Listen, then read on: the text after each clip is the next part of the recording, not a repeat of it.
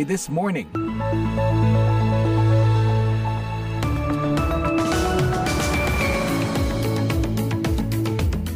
Good Friday morning everyone, selamat pagi. Senang sekali saya Leona Triano dapat menjumpai Anda di mana pun Anda menyimak acara ini. VOA This Morning, edisi Jumat 11 Agustus 2023.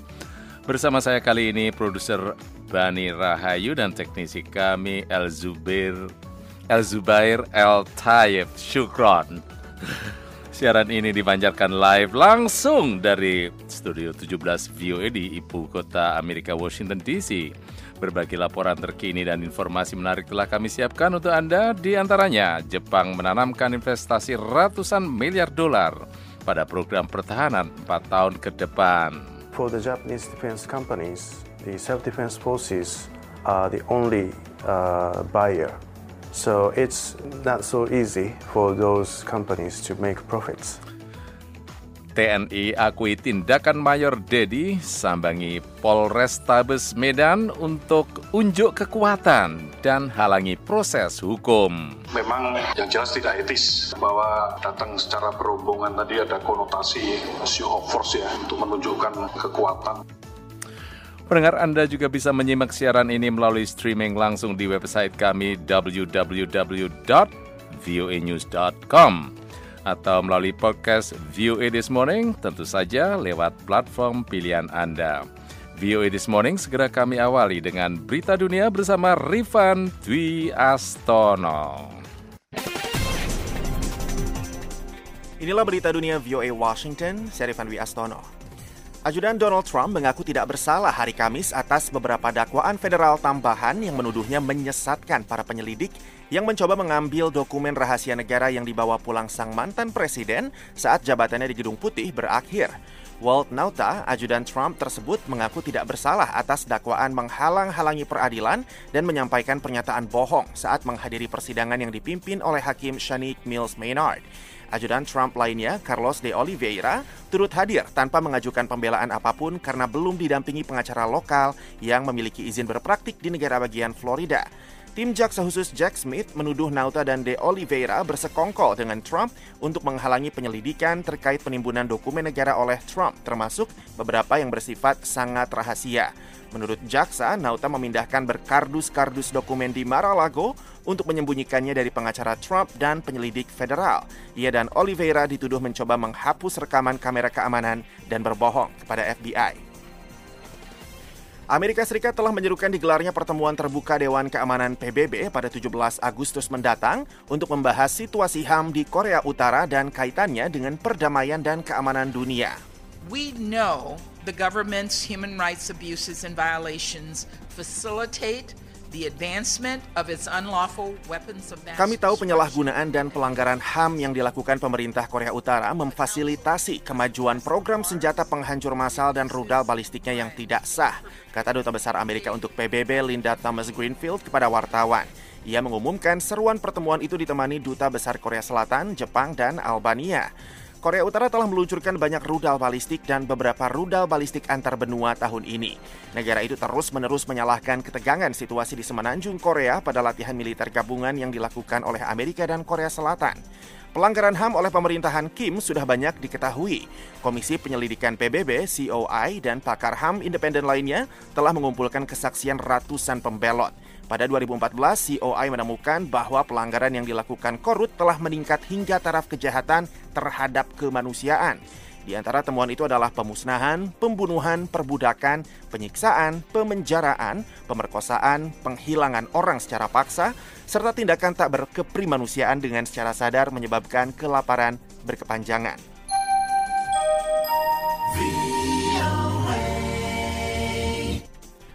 Iran telah memindahkan lima warga negara Amerika keturunan Iran dari penjara ke tahanan rumah, kata pejabat Amerika hari Kamis.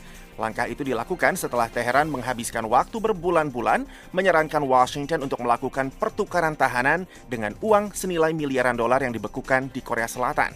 Pejabat Iran di PBB membenarkan adanya kesepakatan itu kepada The Associated Press dengan mengatakan bahwa pembebasan tahanan menandai langkah awal yang signifikan dalam penerapan perjanjian ini. Iran juga mengakui bahwa kesepakatan itu melibatkan uang sebesar 6 miliar dolar yang dibekukan di Korea Selatan. Pejabat Iran mengatakan bahwa uang itu akan ditransfer ke Qatar sebelum dikirim ke Iran apabila kesepakatan itu tercapai. Belum jelas apakah pemindahan warga negara Amerika keturunan Iran itu menjamin kepulangan mereka. Sementara itu, Virgin Galactic meroket ke tepi luar angkasa dengan membawa tiga wisatawan pertamanya hari Kamis, termasuk seorang mantan atlet Olimpiade Inggris yang membeli tiketnya 18 tahun lalu, dan pasangan ibu anak dari Karibia. Pesawat luar angkasa itu mendarat kembali ke landasan pacu di Spaceport Amerika di gurun New Mexico setelah penerbangan singkat yang memberi penumpangnya pengalaman gaya gravitasi nol alias tanpa bobot selama beberapa menit.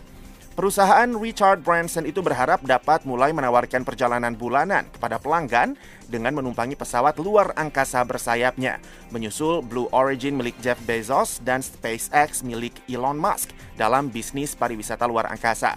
Penumpang Virgin Galactic, John Goodwin, merupakan salah satu orang pertama yang membeli tiket pada 2005. Harga tiket itu masih seharga 3 miliar rupiah ketika Goodwin mendaftar. Kini tiket itu dibanderol 6,8 miliar rupiah. Demikian berita dunia VOA Washington.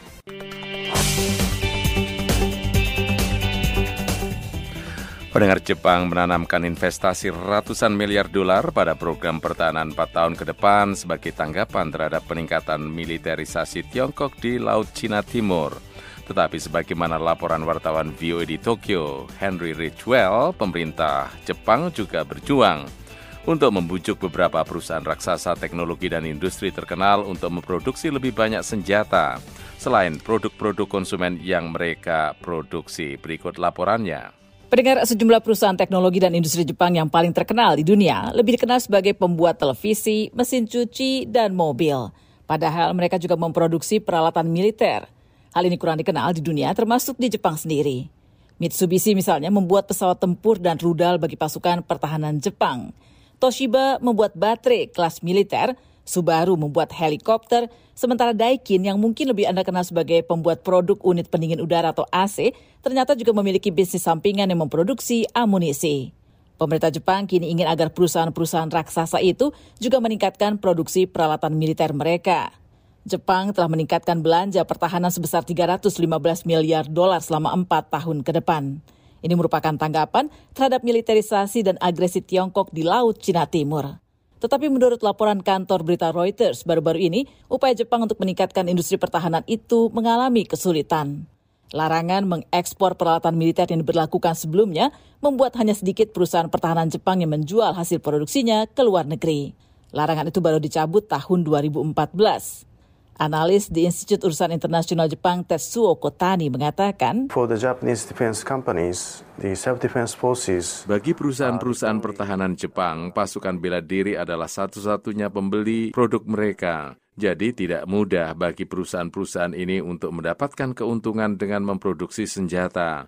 Oleh karena itu, sebagian perusahaan yang lebih kecil kini menjauh dari industri pertahanan. Dalam 20 tahun terakhir ini, lebih dari 100 perusahaan Jepang telah meninggalkan sektor pertahanan. Kembali Kotani. heavy reliance on foreign uh, companies uh, is not so uh, good. Ketergantungan yang besar pada perusahaan asing tidak begitu baik dalam hal ketahanan rantai pasokan sehingga pemerintah Jepang memutuskan untuk memberikan subsidi kepada perusahaan-perusahaan pertahanan Jepang yang merugi. Dengan melakukan hal itu, kami mencoba mempertahankan kemampuan pembangunan pertahanan kami yang sesungguhnya. Meskipun baru-baru ini Jepang mengeluarkan pedoman untuk menyelaraskan peralatan dengan standar Amerika dan Eropa, Jepang, Italia, dan Inggris sedang bersama-sama mengembangkan program pesawat jet tempur baru. Menjadi sekutu Amerika merupakan landasan pertahanan Jepang dan sangat penting untuk membeli peralatan yang tepat. Demikian ungkap Grant Newsham, pensiunan kolonel marinir Amerika dan diplomat serta mantan penghubung dengan pasukan bela diri Jepang. What hardware do you need? Apa What yang Anda butuhkan need? untuk menyesuaikan diri dengan Amerika agar ini menjadi upaya bersama yang nyata? Saya kira saya tidak tahu bahwa pemikiran itu telah dilakukan atau belum. Reuters melaporkan perusahaan industri raksasa Jepang kemungkinan besar khawatir ekspansi ke produk militer akan menodai merek mereka di kalangan konsumen tradisional. Demikian laporan tim VOA. Pendengar Presiden Indonesia Joko Widodo memastikan moda transportasi massal Light Rail Transit atau LRT Jabodit, saya ulangi Jabodebek akan beroperasi pada 26 Agustus 2023. Reporter VOA Kita Intan melaporkan dari Jakarta. Kepastian tersebut dilontarkan oleh Presiden Jokowi ketika dirinya bersama para penggiat seni tanah air menjajal LRT Jabodebek dengan rute dari Stasiun Jatimulya, Kabupaten Bekasi, Jawa Barat hingga ke Stasiun Dukuh Atas, Jakarta, Kamis 10 Agustus. Peninjauan LRT Jabodebek untuk kesekian kalinya ini, kata Jokowi, untuk memastikan keamanan dan keselamatan moda transportasi massal ini. Melihat lagi, mencoba lagi LRT kita. Kemarin kan ada perlu penyesuaian di uh, sistem saya lihat sekarang ini tadi saya cek di beberapa stasiun sudah pas. Nanti cek sekali lagi bagus, akhir bulan insya Allah sudah dioperasikan. Kemungkinan insya Allah 26 Agustus. Dalam kesempatan ini, Jokowi juga berujar bahwa kereta cepat Jakarta-Bandung diharapkan beroperasi pada September mendatang. Jokowi menekankan pemerintah sebisa mungkin berupaya agar seluruh moda transportasi massal bisa segera beroperasi dan terintegrasi satu sama lainnya. Hal ini katanya dilakukan untuk bisa menekan angka kemacetan dan polusi. Terkait tarif LRT Jabodebek dan moda transportasi lainnya, kata Jokowi, pemerintah berupaya tidak terlalu membebani masyarakat. Sebelumnya permasalahan pembangunan LRT Jabodebek sempat mencuat ketika Wakil Menteri BUMN Kartika Wiryo Atmojo menuturkan terjadi kesalahan desain pada bagian jembatan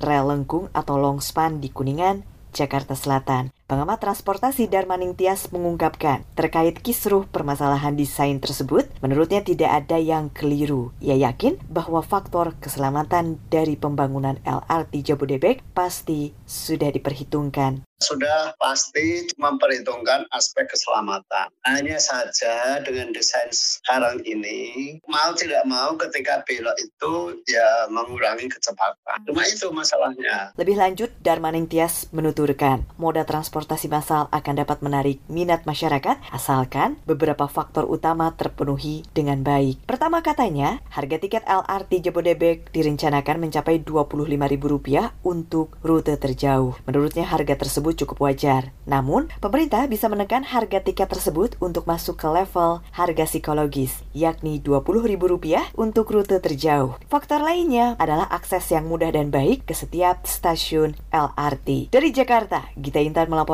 untuk VOA Washington. Pendengar Tentara Nasional Indonesia TNI mengakui jika perbuatan yang dilakukan Mayor Dedi Hasibuan dengan mendatangi Polrestabes Medan bertujuan untuk kekuatan dan menghalangi proses hukum yang sedang ditangani satuan lain. Anugrah Ardriansah melaporkan selengkapnya. Komandan Pusat Polisi Militer dan Puspom TNI, Marsikal Muda Agung Handoko, mengatakan tindakan Mayor Dedi Asibuan yang mendatangi Polrestabes Medan dengan sejumlah personel TNI berseragam lengkap dapat diartikan sebagai upaya unjuk kekuatan. Tindakan itu menurutnya juga diduga bertujuan untuk memengaruhi proses hukum yang sedang dihadapi Ahmad Rosid Hasibuan, ponakan dari Mayor Dedi yang berstatus warga sipil. Yang jelas tidak etis ya, datang beramai-ramai. Tadi sudah saya sampaikan pada kesimpulan bahwa datang secara berombongan tadi ada konotasi show of force ya untuk menunjukkan kekuatan dan dapat dikonotasikan bisa dikatakan menghalangi proses hukum. Agung menjelaskan usai kedatangan Mayor Dedi bersama rekan-rekannya ke Polrestabes Medan, Ahmad yang berstatus tersangka akhirnya dibebaskan. Tapi itu kami juga tidak bisa menjangkau ke sana apakah karena tekanan itu atau memang sudah memenuhi untuk penangguhan itu nanti pihak Polres yang bisa menjawab. Duduk permasalahan ini berawal saat Mayor Dedi mengetahui keponakannya ditahan oleh Polrestabes Medan terkait kasus pemalsuan tanda tangan pembelian tanah. Mayor Dedi kemudian melaporkan kepada atasannya, Kepala Hukum Daerah Militer Kodam 1 Bukit Barisan, Kolonel Muhammad Irham Janantung, untuk meminta bantuan hukum bagi keponakannya tersebut. Selanjutnya, Kamis 3 Agustus 2023, Kakundam 1 Bukit Barisan mengirim surat permohonan penangguhan penahanan untuk Ahmad kepada Kepala Polrestabes Medan. Namun, Ahmad masih ditahan oleh Polrestabes Medan sehingga Mayor Dedi bertanya kepada Kasat Reskrim Polrestabes Medan terkait jawaban surat permohonan penangguhan tersebut. Lantaran tidak ada jawaban tertulis, Dedi bersama rekan-rekannya mendatangi Polrestabes Medan yang akhirnya bertemu dengan Kasat Reskrim Polrestabes Medan. Dalam pertemuan itu sempat terjadi perdebatan keras antara keduanya. Video perdebatan itu viral di media sosial. Siapa pun yang terlibat di situ, kalau memang dari kejadian itu tidak ada unsur pidana, kita pastikan semua yang ada di situ pasti akan kena hukum disiplin. Sementara itu, Direktur Lembaga Bantuan Hukum LBH Medan, Irfan Saputra, mengatakan tindakan dari Dedi dan rekan-rekannya itu bertentangan dengan penegakan hukum dan aturan yang berlaku. Ini adanya bentuk intervensi yang mengarah kepada intimidasi dan ini mengarah kepada pelanggaran hukum terkait dengan of justice. LBH Medan juga meminta harus ada pengungkapan di balik kedatangan Dedi dengan sejumlah anggota TNI ke Polrestabes Medan yang meminta penangguhan penahanan tersangka kasus pemalsuan tanda tangan pembelian tanah. Anugerah Handriansyah dari Medan melaporkan untuk VOA Washington.